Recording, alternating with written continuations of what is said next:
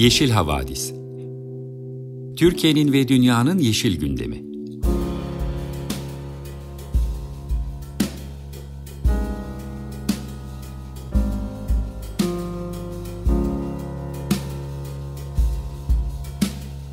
Hazırlayan ve sunanlar Selin Uğurtaş ve Savaş Çömlek.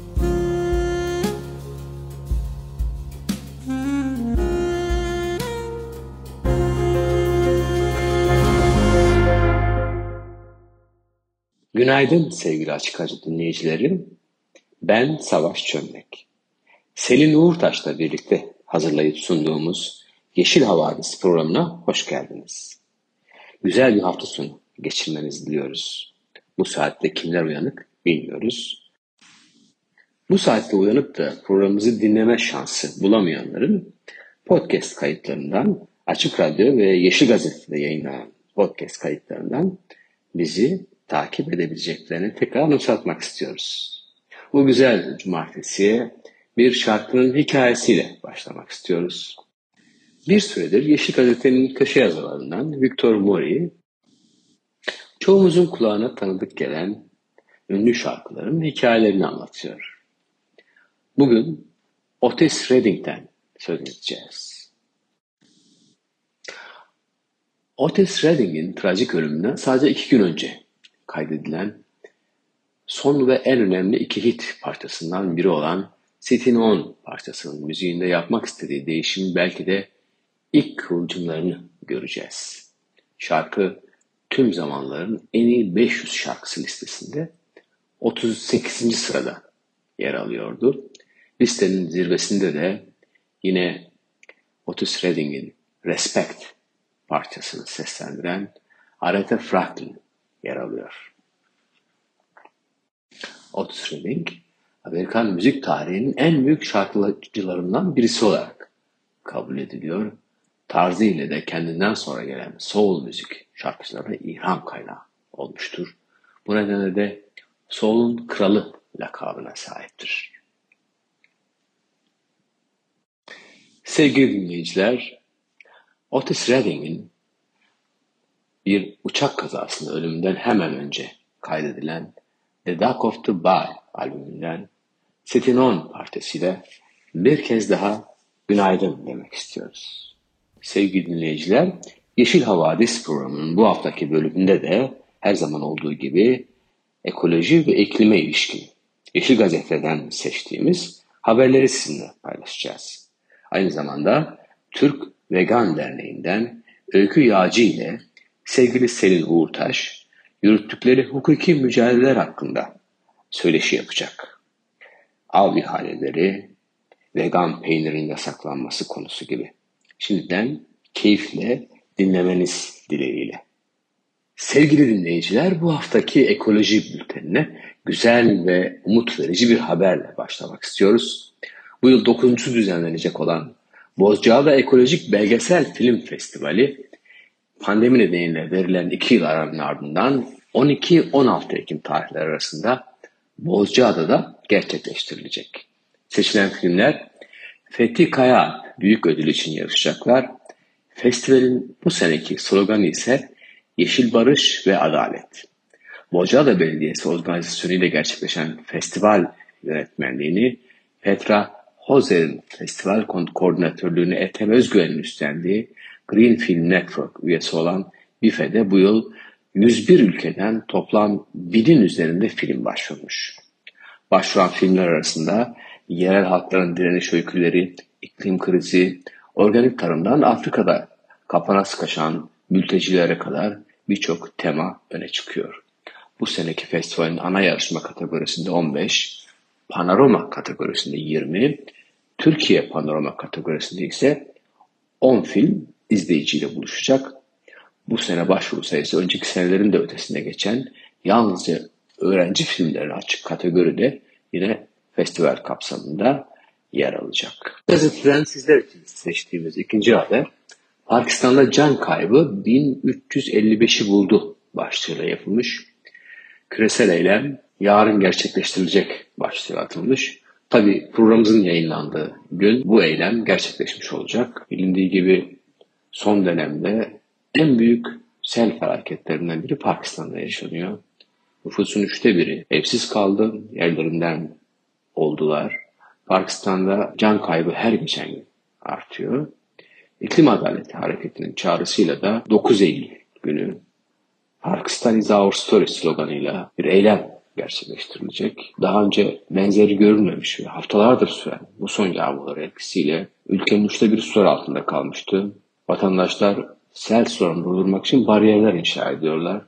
Ancak milyonlarca insanı etkileyen bu korkunç iklim değişikliği tablosuyla baş etmek hiç kolay değil. Yaklaşık 10 milyar dolarlık kayba neden bu felaketin ardından uluslararası örgütler, Dünya Sağlık Örgütü ve Birleşmiş Milletler maddi yardım yapmak amacıyla harekete geçtiler.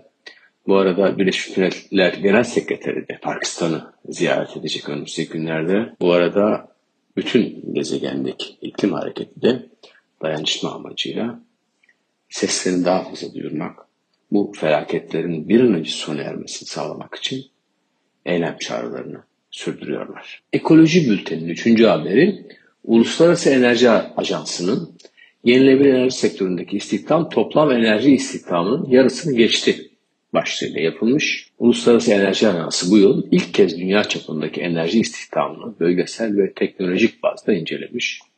Bundan sonra her yıl hazırlanacak Dünya Enerji İstihdam raporuna göre enerji sektörü pandeminin ardından geçen yıl toparlanarak dünyadaki toplam iş gücünün %2'sini oluşturmuş. Buna göre sektörde 2019'daki seviyesine göre 1,3 milyon artışla 65 milyon insan istihdam edilmeye başlanmış. Toplam istihdamın 20 milyonu yakıt tedariki, 20 milyonunu elektrik sektörü ve 24 milyonu ise enerji verimliliği ve araç imalatı sektörü oluşturmuş. Raporda yer alan öne çıkan bulguları da kısaca özetlemek gerekiyor. Birçok temiz enerji segmenti geleneksel enerji segmentlerindeki iş gücüyle rekabet edebiliyor. Enerji istihdamının yarısından fazlası Asya Pasifik bölgesinde. Çin tek başına küresel enerji iş gücünün %30'unu oluşturuyor. Orta Doğu ve Avrasya'da enerji iş gücü ortalama %3,6 ile ekonomi genelinde istihdamın nispeten yüksek bir payını oluşturuyor. Kuzey Amerika'da enerjide 7,9 milyon işçi var. Avrupa'da 7,5 milyon işçi mevcut. 2050'ye kadar net sıfır emisyon senaryosunda 2030 yılına kadar 14 milyon yeni temiz enerji işi yaratılırken 16 milyon işçi daha temiz enerjiyle ilgili yeni rollere geçiyor temiz enerji istihdamı enerji sistemlerini karbondan arındırma çabalarının yanı sıra hızla büyüyor.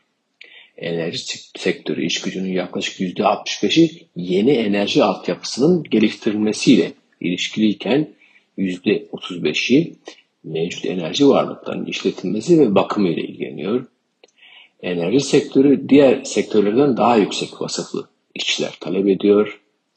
Enerjide ne yazık kadın temsili genel ortalamaların çok altında. Politika çevreleri ve cinsiyet dengesini iyileştirmeye yönelik güçlü özel sektör çabaları var. Küresel olarak fosil yakıtlar ve temiz enerji segmentleri arasında kadın istihdamın payında büyük farklar olmasa da temiz enerji startuplarında hala paritenin çok altında olsa dahi temiz enerjide kadın kurucuların ve mucitlerin daha büyük varlığı olduğu gözleniyor. Ekoloji bültenine müzikle devam edeceğiz. Bir Otis Redding şarkısı Respect Aretha Franklin söylüyor. Merhaba sevgili Açık Radyo dinleyicileri. Güzel bir cumartesi sabahında yine sizinle birlikteyiz ve yine gezegenimizin belki de şu anda devam eden en önemli krizi iklim krizinden bahsedeceğiz. Bu hafta yaşanan önemli gelişmeleri derleyip sizlere aktarmaya çalışacağız. İklim gündemini yine enerji haberlerinin ve enerji güvenliğine ilişkin endişelerin domine ettiği bir hafta yaşıyoruz. Aslına bakarsanız bu çok anormal bir durum değil. Küresel ısınmaya neden olan sera gazı emisyonlarının %73'ünün enerji sektörü kaynaklı olduğunu biliyoruz. Bu nedenle de iklim krizi ve enerji çok iç içe geçmiş iki mesele. Birini düşünmeden diğerini gerçekten ele almamız pek de mümkün değil. Ve tam da bu nedenle fosil yakıtlardan çıkmayı başardığımızda iklim krizinin en can alıcı meselelerinden birini de çözmüş olacağız.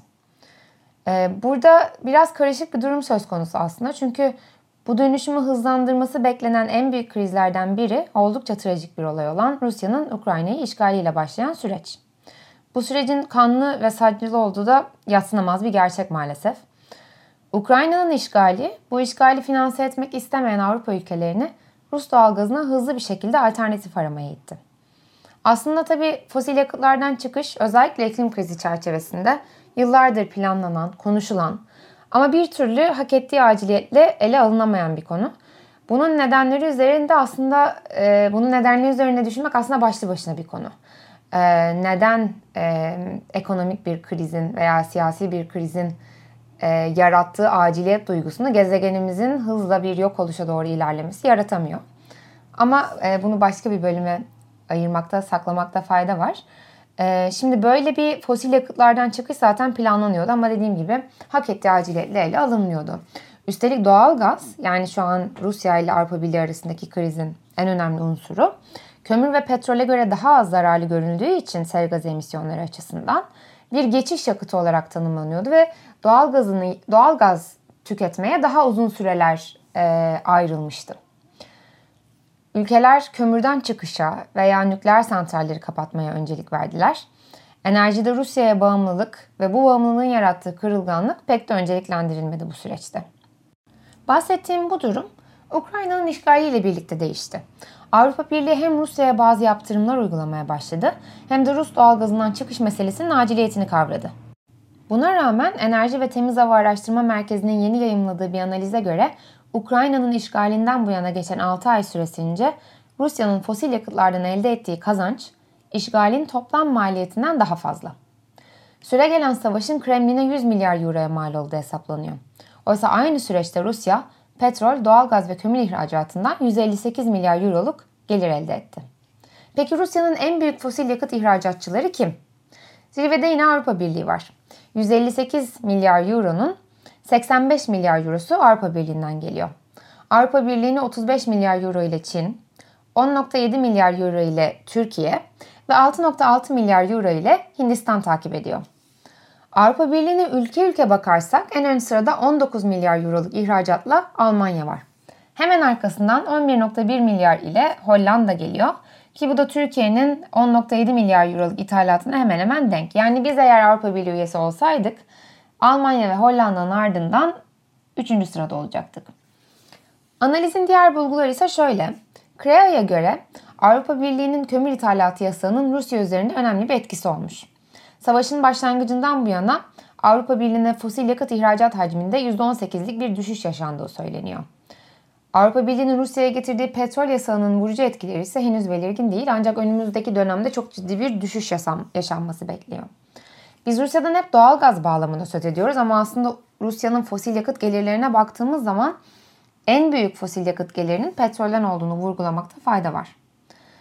Bu esnada tabi bu hafta yaşanan önemli gelişmeler Moskova'nın da bu süreçte eli kolu bağlı beklemeyeceğini tekrar ortaya koymuş oldu. Biraz onlardan bahsedelim. Ee, Rusya, Avrupa'ya gaz tedarik ettiği ana boru hatlarından Kuzey Yakın 1 üzerindeki gaz akışını kesti. Kuzey Yakın 1, St. Petersburg yakınlarından e, Kuzeydoğu Almanya'ya uzanan bir hat. Günde 170 milyon metreküpe kadar doğal gaz taşıyabiliyor. Bu hatta 3 günlük bir bakım çalışması yapılacağı söylenmişti. Ancak e, bu 3 gün geçti ve ardından borularda sızıntı olduğu gerekçesiyle kesintinin devam edeceği duyuruldu. Üstelik e, hatta akışın ne zaman yeniden başlayacağına dair de herhangi bir açıklama yapılmıyor. Tabii bu kesinti arıza vesaire e, Rusya'dan gelen doğal gaz konusunda aylardır bir mesele ve bunun esas neden olmadığı da hemen herkesin malumu. Bunun önemli bir göstergesi de aslında Rus devletinin enerji şirketi Gazprom'un yayınladığı yeni bir reklam filmi. Burada çok net mesele görülüyor. Bu reklamda gazın kesilmesinin ardından buz ve karla baş başa kalan Avrupa kentleri görülüyor. Gazprom bu reklamı kış büyük olacak sloganıyla paylaştı. Ve reklamın Kuzey yakın birde duyurulan kesintinin hemen ardından yayınlanması da Putin'in Brüksel'e bir tehdidi olarak yorumlandı. Bu olaylardan sonra tabii ki gaz fiyatları daha da arttı. %30 bir artış gerçekleşti ve Avrupa Birliği Enerji Bakanları da teyakkuza geçti. Ee, Avrupa Birliği Enerji Bakanlarının almayı planladıkları önlemlerin bir taslağına BBC ulaşmayı başarmış. Buna göre gaz dışındaki enerji kaynaklarına geçici olarak tavan fiyat uygulamak, elektrik talebini azaltmak ve enerji piyasasına destek paketleri açıklamak gibi ihtimaller üzerinde duruluyor. Tam da bu noktada doğal gaz gibi yakıtların alternatifleri üzerinde durmakta fayda var. Fosil yakıtlar yalnızca gezegenimiz için değil toplumlarımız için de oldukça zararlı. Ee, bu yakıtlar için Rusya gibi, Suudi Arabistan gibi ülkelere bağımlıyız. Artık bunların yerli ve temiz muadilleri, üstelik de ekonomik fiyatlarla mevcutken yeşil dönüşümü gerçekleştirmemek, buna yeterince önem vermemek gerçekten oldukça sorumsuzca bir davranış. Güneş enerjisinin önemini daha net görebilmek için Amber'ın yeni yayınladığı bir analiz de oldukça önemli. Biraz bundan bahsedeceğim e, bülteni toparlamadan önce. Bu yeni analize göre 2022 yılında güneş enerjisinden üretilen elektrik sayesinde Avrupa Birliği doğalgaz ithalatında büyük tasarruf sağladı. Mayıs-Ağustos ayları arasında elektriğin %12'si güneş enerjisi santrallerinde üretildi. Ve bu sayede 29 milyar euroluk fosil yakıt tasarrufu sağlandı. Yani 29 euroluk fosil yakıt e, Rusya'dan ithal edileceğine aynı miktarda enerji Avrupa Birliği'nin kendi topraklarında temiz bir şekilde üretilmiş oldu. Hatırlarsanız Avrupa Birliği'nin Rusya'dan fosil yakıt ithalatının 6 ayda 85 milyar euro seviyesinde olduğunu söylemiştik. Ve zirvede 19 milyar euro ile Almanya vardı. Buna karşın daha kısa bir sürede yalnızca 4 ayda 30 milyar euroya yakın tasarruftan söz ediyoruz. Dolayısıyla büyük resme baktığımızda da oldukça önemli bir veri olduğunu vurgulamakta fayda var. Buna benzer bir analizi Ember Türkiye'de Mayıs ayında yayınlamıştı. Türkiye'nin güneş ve rüzgar enerjisi üretimi sayesinde bir senede 7 milyar euro tasarruf ettiğini ortaya koymuştu. Tüm bunlar temiz enerjiye geçişin ne kadar acil ve önemli olduğunu biraz daha iyi kanıtlayan örnekler diyebiliriz. Ve böylelikle bu haftanın iklim bülteninin de sonuna gelmiş oluyoruz. Şimdi güzel bir parçayla e, devam edeceğiz. Larry Goldings'den Blueberry Hill'i dinliyoruz. Merhaba, 95.0 Açık Radyo'da Yeşil Havadisi dinliyorsunuz. Ben Selin Uytaş. İklim ve ekoloji haberlerini sizlerle paylaştık. Şimdi de programımıza haftanın röportajıyla devam edeceğiz. Bu hafta bir değil iki tane şahane konuğum var. E, yaptıklarını gerçekten e, hep hayranlıkla takip ediyorum. Çünkü çok ciddi bir mücadele yürütüyorlar. Vegan Derneği'nden Öykü Yağcı ve derneğin vekili avukat Tuğçe Berber bizimle olacak bugün. Aslında kendilerini tanıtarak başlayacağım ama öncelikle hoş geldiniz demek istiyorum. Öykü Hanım, Tuğçe Hanım iyi ki zaman ayırdınız. Çok teşekkür ederiz. Merhabalar. Teşekkür ederiz. Merhaba. Merhaba tekrar. Ee, Vegan Derneği ile birçok konuda yılmadan yürüttükleri yasal mücadeleler üzerine konuşmayı çoktandır istiyordum. Veganizmden bahsederken sıklıkla eksik veya yanlış bir algının oluştuğunu fark ediyorum. Ee, bunu yalnızca bir beslenme biçimi olarak algılayan birçok insan olduğunu görüyorum. Meselenin felsefi boyutu, etik boyutu çok arka planda kalabiliyor günlük hayattaki e, konuşmalarda. Fakat aslında Vegan Derneği'nin çalışmalarına baktığımız zaman bir yandan işte vegan peynir yasağına karşı veya öğrencilerin vegan beslenme hakkı için mücadele yürüttükleri gibi aynı anda av ihalelerine karşı da çok kıymetli bir mücadeleleri var. Böyle bakınca aslında meselenin beslenmenin çok ötesinde olduğu biraz daha netleşiyor. Bu yürütülen mücadeleleri tabii ki derinlemesine gireceğiz ama öncesinde daha temel bir soruyla başlamak istiyorum. Veganizm nedir? Siz veganlığı, e, vegan mücadeleyi ne şekilde tanımlıyorsunuz? Evet, bu genellikle maalesef e, çoğunlukla vegan, e, vejeteryanlıkla karıştırılıyor ama e, vejeteryanlıktan da çok farklı. E, yalnızca bir beslenme biçimi değil, e, bir trend hiç değil. Her şeyden önce insan, hayvan, doğa ilişkisini adalet ve eşitlik temelli bir şekilde konumlandıran, güçlü bir felsefi altyapısı olan bir kavram ve yaşam biçimi veganlık. Ee, her şeyden önce hayvan özgürlüğünü ve özgürleşmesini temel alan etik vegan felsefeyi ve yaşam tarzını benimseyenler insan merkezci, türcü ve faydacı yaklaşımlara karşı çıkarak tamamen bitki, meyve, bakliyat bazlı zengin bir beslenmeyi, hayvan bazlı veya hayvanlar üzerinde test edilmiş herhangi bir malzeme, ürün kullanmamayı, hayvanat bahçeleri, hayvanlı sirkler, deniz parkları, tematik akvaryumlar gibi hayvanların tutsak ve istismar edildiği her türlü eğlence biçimini reddetmeyi ve insan dışı, e, insan olmayan hayvanlara yönelik ahlaki bir yükümlülük olarak görüyor her şeyden önce. Yani özünde insanın diğer hayvanlardan üstün olduğu yanılgısına dayanan bireylere tür mensupluğu üzerinden değer atama anlayışını e, temel alan bu ayrımcılık biçimini e, reddeden bir yaşam felsefesi aslında. 1979'da The Vegan Society tarafından belirlenen bir tanım var. Bugün de aslında dünya çapında bu tanım yaygın olarak da kabul görüyor. Bu tanıma göre veganlık hayvanların gıda, giyim ya da başka amaçlarla maruz kaldıkları sömürü ve zulmün her türlüsünden uygulanabilir olan en mümkün mertebede kaçınan ve buna ek olarak insanların, hayvanların ve çevrenin yararına hayvan kullanımını içermeyen alternatiflerin geliştirilmesini ve kullanımını destekleyen felsefe ve yaşam biçimidir diyor tanım. E, beslenme söz konusu olduğunda hayvanlardan tamamen e, elde edilen ve kısmi olarak elde edilen ürünlerin reddedilmesini ifade ediyor bu tanım. E, bugün de yaygın bir şekilde e, kabul görüyor. Aynı zamanda hayvan hakları ve çevre doğa ilişkisini adil bir temel üzerine oturturken bir yandan da bugün hepimizin aslında karşılaştığı e, ve bunun etkilerini hissettiği iklim krizi e, gibi bir e, gerçek var karşımızda. Ee, örneğin Birleşmiş Milletler Gıda ve Tarım Örgütü'ne göre ve pek çok bilimsel araştırmaya göre de bu bugün kanıtlandı. Artık hayvancılık e, iklim krizinin başlıca nedenlerinden biri. Örneğin insan kaynaklı metan salınımının yüzde 44'ünü oluşturuyor hayvancılık. Karbondioksitten çok daha zararlı ve etkili metan küresel iklim değişikliğine sebep olan faktörlerden biri olarak. Aynı zamanda hayvancılık sektörü insan faaliyetlerinden kaynaklanan e, sera gazı salımının yüzde on dört buçuğundan da sorumlu. Örneğin e, sığır eti ve sığır sütü üretimi yani süt endüstrisi de dahil buna hayvancılık sektörünün toplam sera salımının yüzde 65'ini kapsıyor. Yani önümüzde bu kadar e, net veriler varken e, iklim krizinin hayvancılıkla ilişkisini reddetmek de çok yanlış. Dolayısıyla veganlık e, iklim krizinin de e, iklim krizinin de en e, doğal çözümlerinden biri olabilecek. Hat, hatta Haziran 2018'de Oxford Üniversitesi çok geniş kapsamlı Science dergisinde yayınlanan bir makale e, paylaştı. E, orada da diyor ki e, veganlık, vegan beslenme, bitki temelli beslenme aslında iklim krizinin e, en kesin çözümlerinden biri diyor. Bununla ilgili bilgiler TV'de vegan.org.tr'de neden vegan başlığı altında detaylı bir biçimde paylaştık. Lütfen ilgilenenler baksın. Biraz uzun ben, olmuş olabilir. Yo yo harika bir giriş oldu bence. Hatta belki şeye de değinmekte fayda var. Biz geçtiğimiz haftalarda biraz biyoçeşitlilik krizinden de Yeşil Havadis'te evet. bahsettik. Yani iklim kriziyle el ele ilerleyen bir kriz ve hepimizin e, canını sıkan ormansızlaşmanın da en büyük nedenlerinden biri evet. işte hayvancılık sektöründe yem olarak kullanılacak işte ürünlerin monokültürlerin yetiştirilmesi için evet. Amazonlar gibi büyük ormanların dahi yok edilmesi. Yani işin hem dediğiniz gibi etik, felsefi boyutu var hem de gezegenimize karşı sorumlu davranma boyutu da var. O yüzden ben bu başlangıçtan çok memnuniyet duydum. İyi ki bu kadar kapsamlı aktardınız bize. Çok teşekkürler.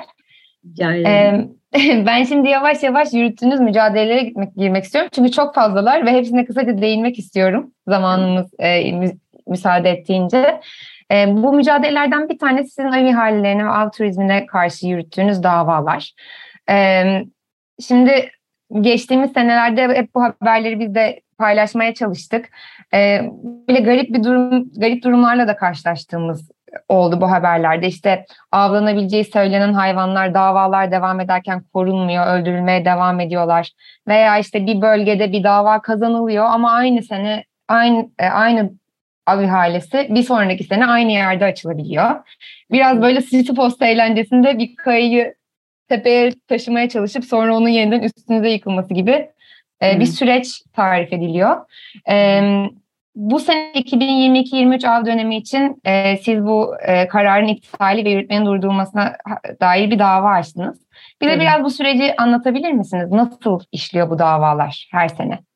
Tamam ben e, hukuki detaylar için Tuğçe'ye birazdan söz veririm ama çok genel e, bahsedeyim. Biz aslında Vegan Derneği olarak 2020'den beri e, hem av turizmi ihalelerinin iptali için hem de Türkiye çapındaki Merkez Av Komisyonu kararlarının, Türkiye çapındaki av ihalelerinin iptali için e, davalar açıyoruz ya da müdahalelik başvurularında bulunuyoruz.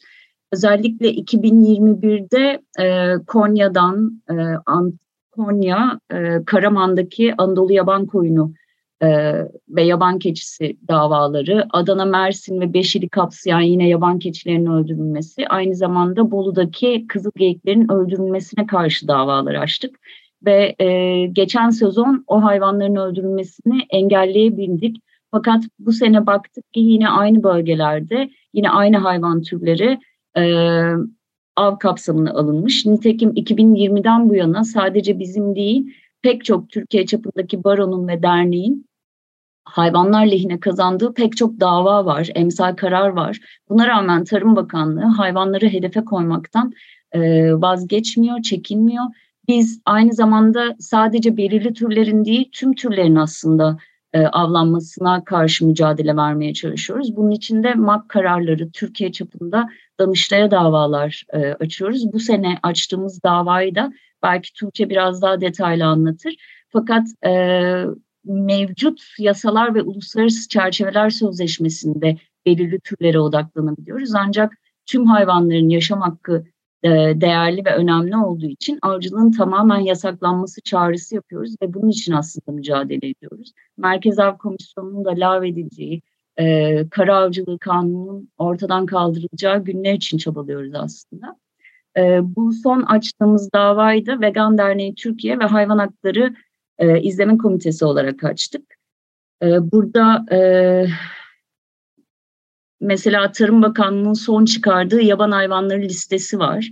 Burada Bern Sözleşmesi'ne göre hayvanları listelerken diğer tarafta kendilerine göre bir listeleme yapmışlar. Hangi türler neye göre avlanabilir diye ama herhangi bir e, çalışma olmadığı için e, bu hayvanlarla ilgili e, bilimsel veriler olmadığı için ve neye dayanarak bu e, sınıflandırmayı ve numaralandırmayı yaptık, yapmadıkları e, yaptıklarını bilmediğimiz için e, bütün hayvanlar aslında tehdit altında.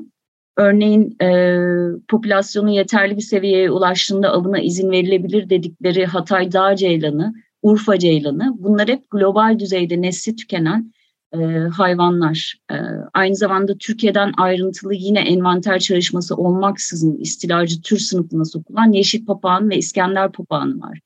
İşte yine geçen senelerde e, hayvanlar lehine karalığından e, kızıl geyik yaban keçisi yine Türkiye'ye endemik mesela ve nesli çok az olan e, popülasyonu çok az olan Anadolu yaban koyunu var. Ve bunlar gerçekten sadece ticari kaygılarla yapılıyor. E, herhangi bir sebeple yapılsaydı da bu kabul edilemezdi. Tüm Türklerin yaşam hakkını e, Tarım Bakanlığı aslında satılığa çıkarıyor bu düzeyde. Tuğçe senin av davaları ile ilgili belki biraz daha hukuki değerlendirme yapman mümkün mü? Teşekkür ediyorum Öykü. Çok güzel bir özet yaptın davalarımıza ilişkin. E, ben giriş olarak aslında şu bazda değerlendirmek istiyorum. Avcılık haklar bağlamında bakıldığında doğrudan bir yaşam hakkı gaspı. Yani bir canlının yaşamının elinden alındığını, keyfi bir şekilde elinden alındığını görüyoruz ve buna bakanlık diyor ki bu bir spor, bir turizm. Ee, şimdi böyle düşündüğümüzde biz nasıl günümüzde ırkçılığa, cinsiyetçiliğe, homofobiye karşı çıkıyorsak aslında bir ayrımcılık çeşidi olan türcülüğe de karşı çıkmamız gerekiyor ve bu bağlamda bu hayvanların yaşam hakkını savunmamız gerekiyor. Ve biz gönül ister ki tüm hayvanların yaşam hakkını savunabilelim ve avcılığı tamamen iptal ettirelim. Ama ne yazık ki şu anki hukuki koşullar bize sadece yerelde veya belli hayvan türleri için mücadele etmemize sebep oluyor. Ee, bizim davalarımıza değindiğimiz nelerdi? Geçmiş davalardan günümüze ne değişti? Kısaca onlardan bahsetmeye çalışayım. Geçen sene TBD'nin kazanmış olduğu ve Konya Bolu davaları var mesela. Hani dedin ya Sisyphos'un taşı gibi. Evet gerçekten Konya Bolu'da biz kazandık davaları. Bu sene aynı yerlerde tekrar avcılık başladı. Çünkü dediğim gibi yani konuyu değiştirmemiz gerekiyor. Bizim kanunları değiştirmemiz gerekiyor. Ancak şöyle de bir durum var karşımızda. TBMM e, Hayvan Hakları Araştırma Komisyonu avcılıkla ilgili hükümleri düzenlerken e, maalesef av komisyonlarından destek aldı. Onlarla beraber hükümler düzenledi. Yani böyle bir zihniyet var karşımızda. E, davalarda aslında biz bu davaları kazandık ve Konya'da da Bolu'da da geçen sene günler içerisinde yürütmenin durdurulması karar verildi. Çünkü gerçek bir ihlal var ortada, gerçek bir hukuka aykırılık var. E, her ne kadar Adana davasında yürütmenin durdurulması verilmemiş olması biraz hayvan sayısıyla da alakalı olsa da yani şu anda da mesela Danıştay neden yürütmenin durdurulması vermiyor? Çünkü e, çok fazla hayvanın e, ihalesi söz konusu. Eğer merkez kararları iptal edilirse yereldeki ihaleler de duracak ve bu birden tüm av ihalelerinin durması anlamına geleceği için Danıştay yürütmenin durdurulması vermekten geri duruyor. Nitekim geçen sene açtığımız davalar da var. E, o davalar resmen hükümsüz kaldı. Yani bakanlık bir savunma yapmadı, Danıştay bir yürütmenin durdurulması vermedi. Bunların üzerinden geçti bir sene ve 2022-2023 dönemi için tekrar Merkez Av Komisyonu kararları yayınlandı. Biz şimdi onlara dava açtık. E, bu davada da yine e, aynı şeyleri ileri sürüyoruz aslında. Yani Bern Sözleşmesi'nin bir aykırılık durumu var bu sözleşmeye karşı. Genelde savunma şöyle oluyor. Biz Bern Sözleşmesi'ne çekince koyduk. O yüzden yaban keçisini, yaban koyununu, yaban domuzunu avlayabiliriz. Bu çekinceler kapsamında bizim avlarımız aslında yasal diye bir savunma geliyor ama durum öyle değil. Çünkü e, örneğin mesela geçen sene çıkan bir karar var. Erzurum Bir İdare Mahkemesi dedi ki bu çekinceler yeterli değildir. Sen bir kamu yararını gözetmek zorundasın ve çevrenin de korunmasıyla bağlantılı olarak bu kadar hayvanın ölümüne sadece bir çekince koyarak e, sebep olamazsın dedi. Bu çok güzel bir karardı. Böyle yerel mahkeme kararları varken, kazanılmış davalar varken bakanlık bu sene tekrar e, ihaleleri başlattı. E, bizim davamızda dediğim gibi Berne aykırılık söz konusu, onun yanı sıra 4915 gibi anayasaya dahi uymayan bir kanun var. Bu kanuna dayalı olarak yürütülmüş A ihaleleri var. Çünkü neden anayasaya aykırı bu kanun? Devletin hüküm ve tasarrufu altında olan konular aslında anayasada sınırlı sayıda. Ve bunlar der ki e, genelde işte şeylerdir. Nasıl söyleyeyim? Yani sınırlı sayıda sayılmıştır ama hayvanların ve yaban hayvanı olarak tanımlanan canlılar üzerinde devletin bir tasarruf hakkı bulunmamaktadır. Bunlar genelde toprakla ilgili ya da arazilerle ilgili tasarruf hükümleriyken devlet diyor ki ben hayvanlar üzerinde de bir tasarruf hakkına sahibim ve bu yüzden hayvanların avlanmasına izin verebilirim. Aslında bu anayasal bir hüküm değil doğrudan 4915 anayasaya aykırı bir kanun ve anayasaya aykırı bir kanunla şu an bakanlık ihaleler yürütmekte. Ve Merkez Komisyonu kararları çıkartmakta, yönetmelikler çıkartmakta. Biz de bu uygulama talimatlarının, Merkez Komisyonu'nun kararlarının iptalini istedik. E, yürütmenin durdurulmasını ivedilikle istedik. Çünkü bu durdurulmadığı sürece her geçen gün ihaleler açılacak, hayvanlar öldürülmeye devam edilecek. Yani bizim bir sene sonra alacağımız yürütmenin durdurulması kararının bize hiçbir faydası yok. Bunu vurgulamaya çalıştık dilekçemizde. E, bunun dışında zaten e, çevre kanunu gibi ya da Anayasa 56'daki sağlıklı çevrede yaşama hakkı gibi durumlar da aslında bir koruma altında. Ama e, bakanlık bu av ihalelerine izin vererek bunları da ihlal etmiş durumda. Nitekim çok büyük orman yangınları yaşadık geçen sene Marmaris'te. Bölgeler mahvoldu. O ormanlarda şu an avlaklarda avlanmaya izin var. Yani evet, zaten yangın sonucu tahrip olmuş bir bölge varken e, sen bir de o avlaklara girilmesine izin veriyorsun. O hayvanlar zaten orada perişan oldu ya da bitkiler. Ya sadece hayvanlar değil, flora da mahvoldu ve bu flora ve faunanın korunmaması durumu biyolojik çeşitlilik sözleşmesine de aykırı. Yani bakın ortada bu kadar büyük e, hem uluslararası alanda hem yerelde e, aykırılıklar söz konusuyken bakanlık elini kolunu sallaya sallaya her sene ihaleleri açmaya devam ediyor. E, dayanakları genelde hayvanların zararlı olduğunu tespit ettiklerini ve bu konuda bilimsel raporlara dayandıklarını söylüyorlar. Geçen seneki Konya'da da Bolu'da da böyle savunmalarla geldiler genelde popülasyonu korumak için özellikle yaşlı bireylerin öldürüldüğünü söylüyorlar ama yani durum bu şekilde değil. Çünkü geçen sene bakanlık arazi inceleme raporlarını sundu. Raporlara baktığımızda gördük ki o kadar yuvarlak sayılar vermişler ki şu arazide 10 erkek, 20 dişi, 5 yavru bulduk. Bunları neye göre tespit ettik? Bölgeye avcılarla beraber gitmişler ve ağaçların kovuklarında hayvanların bıraktıkları izler üzerinden sayım yapmışlar. O izi hayvan mı bıraktı? kim bıraktı? Yani bu kadar bilime dayanmayan bir raporla bize sayı veriyorlar ve bu kadar hayvanı öldürebilirsin diye izne çıkartıyorlar ve bu hayvanlar üzerinden çok yüksek miktarlarda ihaleler açıyorlar ve gelir elde ediyorlar. Ee, böylesine korkunç bir durum var ortada kısaca. Çok teşekkürler. Oldukça vahim bir durum gerçekten. Öykü Hanım sizin eklemek istediğiniz bir şey var mı bu konuyla ilgili? Şimdi çok kısa geçeceğim. Ee, biz bütün uzman görüşü de sunuldu geçen seneki davalarda. Bu seneki davada da yaban hayatı uzmanı veteriner hekim Gökçe Coşkun özellikle çok somut verilerle e, yaban hayatı nasıl etkileniyor av ve avcı müdahalesinden e, hayvanlar nasıl nasıl strese giriyor ve üreme sorunu yaşıyor bunu özellikle e, vurguluyor ve bugüne kadar aslında bakanlığın yaptığı tüm savunmalar idare mahkemeleri tarafından yetersiz ve tutarsız bulundu. Dolayısıyla bu kadar etik, hukuki ve bilim e, karşıtı e, savunmalar olmasına rağmen avın devam etmesi gerçekten kabul edilemez. Biz bu yıl e, geçen seneki gibi pek çok baro ve sivil toplum kuruluşuyla da beraber çalışarak yakın zamanda da Türkiye çapındaki av ihalelerine de e, tek tek dava açacağız. Dava açılmasını hep beraber sağlayacağız ve tek vücut olarak yine e, av turizmine karşı da mücadele edeceğiz. E, burada e, hakim hakimin e, hakimden avukat Gizem Karataş da hep beraber çalışıyoruz ve diğer barolarla Ankara Barosu, İzmir Barosu da geçen yıllarda benzer çalışmalara imza atmıştı. Ee, umuyorum diğer barolarla birlikte yine bu davaları hayvanlar lehine kazanacağız. Evet, umarım biz de bu konuda iyi haberleri paylaşabileceğiz. İzninizle bir şey daha eklemek istiyorum ben. Ee, genelde bu şekilde mahkemelerin bakışı antroposentrik yani insan merkezi bir bakış açısı olduğu için şöyle de bir şey eklemek gerekiyor. Avcılık aslında insan haklarını da tehdit eden bir durum.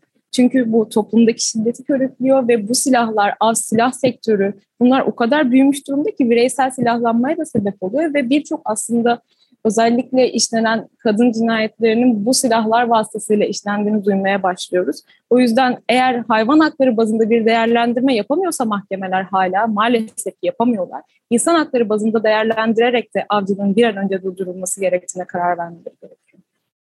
Çok yerinde bu uyarı oldu bu. Ee, çok teşekkür ederim tekrar Tuğçe Hanım. Ee, çok karanlık bir konu ee, ve bunun hani bile bile devam ettiriliyor olması, göz yumuluyor olması gerçekten daha da ağırlaştırıyor meseleyi. Ee, dolayısıyla birazcık şimdi e, başka bir konuyu açacağım ama bunun ağırlığıyla beraber geçiyorum yeni soruya. E, çünkü dediğim gibi başka başka mücadeleleriniz var. Hepsine de biraz değinmek istiyorum dinleyicilerimizin fikir sahibi olması için. E, sizin e, bir diğer inanılmaz konu diyeyim aslında. Çünkü Öykü Hanım siz bana bunu bir iki ay önce konuştuğumuzda ve detaylarınızı anlattığında ben inanamamıştım ve hala bilmeyenleri anlatmakta zorluk çekiyorum. Ee, siz Tarım ve Orman Bakanlığı'na vegan peynirlerin üretim ve satışına yasak getiren bir yönetmelik maddesinin iptali için dava açtınız. Ee, burada anlatılması zor olan konu şu, Avrupa'daki tartışmalardan şunu aşinayız. İşte bitkisel bazı ürünler peynir denmesin onlara, süt denmesin, tüketici için yanıltıcı oluyor falan gibi ciddi bir lobi çalışmasının sonucunda e, böyle kararlar alındı. E, ama şu an bizim yaşadığımız tamamen e, bu ürünlerin satılmamasına ve üretilmemesine yönelik bir yasak Türkiye'de. E, ve bunu anlamlandırmakta çok zorluk yaşıyorum. Özellikle sizin en başta bahsettiğiniz işte iklim krizi, biyoçeşitlilik krizi yani hayvan haklarına ek olarak meselenin aciliyetinin hiç hayvan haklarıyla ilgilenmeyen insanlar için bile net olması gereken bir dönemde bunun yapılıyor olması ayrıca bana ilginç geliyor. Biraz bu süreçten bahsedebilir misiniz? Nasıl bir yasak konusu söz konusu ve siz buna karşı nasıl bir mücadele yürütüyorsunuz? Ee, aslında biz vicdan hürriyeti kapsamında veganlıkla ilgili e, bakanlıklarla ilgili görüşmeler yaptığımız sırada özellikle tüm kamu kurumlarında, özel kurumlarda vegan menü zorunluluğu e, getirilsin. E, veganlar sağlıklı, etik bir şekilde beslenebilsin. Bunun için mücadele veriyorduk. Milli Savunma Bakanlığı, Sağlık Bakanlığı, Milli Eğitim Bakanlığı ile görüşmeler yaptık. E, fakat bu süreçte e, ilginç bir şekilde vegan peynirlerin e, yasaklandığına dair e, bir süreç nasıl başladı? Vegan peynir üreticilerinin e, üreticilerine ceza kesildiğini öğrendik. E, ve hemen yine e, Tarım Bakanlığı Gıda Kodeks e, Başkanlığı'yla görüşme yaptık. Fakat e, bundan hiçbir şekilde geri adım atmadıklarını gördük ve hemen kampanya başlattık. E, şu anda Change.org'da vegan peynir yasaklarına karşı kampanyamız devam ediyor. Yurt dışında da bunu duyurduk. Çünkü dünyada eşi benzeri olmayan bir yasak. Ee, vegan sucuk, vegan peynir gibi e, etiketler belki yurt dışında da konulamıyor ama e, yurt dışında benzer bir yasak asla yok. Çünkü özellikle e, ithalatı, ihracatı geliştirmeye çalıştıkları bir dönemde Türkiye'deki üreticilerin de e, gelişmesini baltaladıkları, özellikle iklim krizi, hayvan hakları gibi farkındalığın arttığı bir dönemde Türkiye'nin birkaç adım geriye atıyor olması gerçekten de düşündürücü ve kabul edilemez. E, biraz da hayvancılık lobisinin e, yönlendirmesiyle ilgili olduğunu düşünüyoruz bu yasakların. Bunun için de anayasaya ve uluslararası sözleşmelere aykırılık sebebiyle Tarım Bakanlığı'na dava açtık. Çünkü herhangi bir olumlu adım göremedik kendilerinden. Bu hem mülkiyet hakkını çiğneniyor hem kanunilik ve ölçülülük ilkelerinin e, çiğnendiği, tüketici haklarının çiğnendiği bir yasak aslında. Tuğçe senin bu noktada eklemek istediğin bir şey var mı davamızla ilgili? Yani yönetmelik maddesine dayanabilirim. Neden e, böyle bir yönetmelik maddesi var ve buna bağlı çıkarılan bir tebliğ var? Maddede der ki bitkisel yağ, nişasta, soya ürünü, süt proteini dışındaki ürünler kullanılarak peynir üretilemez. Yani böyle bir keyfi uygulama 2020'de getirildi ve buna dayanarak şu an bakanlık bütün üreticilere para cezası kesiyor. E, bu madde bitki temelli gıda maddelerinin üretimini, ithalatını, ihracatını yapan firmaların iktisadi hayatın bir parçası olan mülkiyet haklarını zedelemekle birlikte bir de vegan yaşam biçimini benimsemiş ve hatta sağlık sebebiyle bu ürünleri kullanan herkesin de anayasal haklarını ihlal ediyor çok açıkça. O yüzden biz zaten bu maddenin iptaline ilişkin dava açtık ve yine yürütmenin durdurulmasını istedik. Çünkü bakanlık ceza kesmeye devam ediyor. Bazı firmalar fabrika durdurmaya kadar gitti. Evet. Böyle olunca e, bir an önce yürütmenin durdurulması verilmesini istiyoruz ama hala bir ses yok Danıştay'dan. E, süremiz kaldı mı bilmiyorum. Daha fazla detay vereyim mi? E, bence bu kadar çok yeterli çünkü son bununla bağlantılı son bir meseleye de değinmek istiyorum Tuğçe Hanım. Yani sizin bir de çünkü Yüksek Öğretim Kurulu'nu açtığınız, Danıştay'da açtığınız bir dava var. Bu da benzer bir konuyla ilgili. Evet. Öğrencilerin vegan beslenmesi, sağlıklı ve dengeli ve vegan bir beslenme haklarının olması ile ilgili. E, kısacık belki buna bağlayarak toparlamak daha faydalı olabilir diye düşünüyorum. Öykü sen mi değinirsin, ben mi değineyim? Tuğçe sen değin, ben de sonunda çok kısa toparlarım yok davasını, olur mu? Tamam, yani bir vegan menüye ilişkin davamız var. Evet, çünkü aslında veganlar etik değer anlayışıyla bir yaşam biçimini sürdürürken bir vicdan özgürlüğü, e, düşünce özgürlüğünü ortaya koyuyorlar. Ve üniversitelerde diyor ki öğrencilerin taleplerini görmezden gelerek ya etik tutumunuzdan vazgeçeceksiniz ya da her öğrencinin faydalandığı imkanlardan faydalanmayarak kendi başınızın çaresine bakacaksınız diyerek bir ortada bırakmış durumda vegan öğrencileri. Biz de bunun için Avrupa İnsan Hakları Mahkemesi, Avrupa İnsan Hakları Sözleşmesi, İnsan Hakları Evrensel Bildirgesi, medeni ve siyasal haklar için uluslararası sözleşmede düzenlenen vicdan hürriyeti, düşünce özgürlüğü kavramlarına dayanarak bunların ihlal edildiğini söyleyerek dava açtık YÖK'ün vermiş olduğu karara karşı. Çünkü YÖK bize dedi ki her üniversiteye başvuru yapabilirsiniz. Ama biz istiyoruz ki ülke geneli bir düzenleme gelsin. Çünkü her üniversite kafasına göre bir uygulama yapıyor. Bazı üniversitelerde vegan menü varken bazılarında yok. Ve öğrenciler böyle bir ekonomik koşulda e, kendi imkanlarıyla yaşamaya çalışmaya zorlanıyorlar ve vicdan hürriyetinin ihlal edildiğini görüyoruz. O yüzden biz genel düzenleme için de böyle bir dava açmış durumdayız vegan ilişkin. Çok teşekkürler. Öykü Hanım size son defa vereyim sözü. Evet yani bu mesela e, İstanbul Teknik Üniversitesi gibi köklü bir üniversitenin bunu aylardır reddetmesi, üniversitelerin eylemlerini, çağrılarını, e, taleplerini reddetmesi, görmezden gelmesi gerçekten de kabul edilemez. Bu yüzden de e, YÖK'e açtığımız davanın dışında bir de ombudsmanla, kamu denetçiliği kurumuna dava açtık. E, ve bunun da devamı gelecektir. Dava açtık derken pardon başvuruda bulunduk. Yani biz hem av e, konusunda hem de e, insan hakları konusunda, hayvan hakları ve insan hakları konusunda keyfi, insan merkezci tüm uygulamalara karşı her şekilde mücadele vermeye çalışıyoruz. Bu anlamda e, bizim çağrılarımıza, kampanyalarımıza, eylemlerimize herkesin destek olmasını bekliyoruz. E, ayrıca Vekfest düzenliyoruz 1-2 Ekim'de Kadıköy'de çok merkezi bir yerde. Lütfen gelin ücretsiz bir festival. Vegan olanları olmayan herkese açık çok güzel konuşmacılarımız olacak. Çok güzel konularımız olacak. Herkesi bekliyoruz. Lütfen gelin. Harika bir duyuruyla kapatmış olduk. Ben de son olarak size bunu söylemenizi rica edecektim zaten. Ee, çok teşekkür ederim burada bizimle olduğunuz için, e, bu güzel açıklamalarınız için.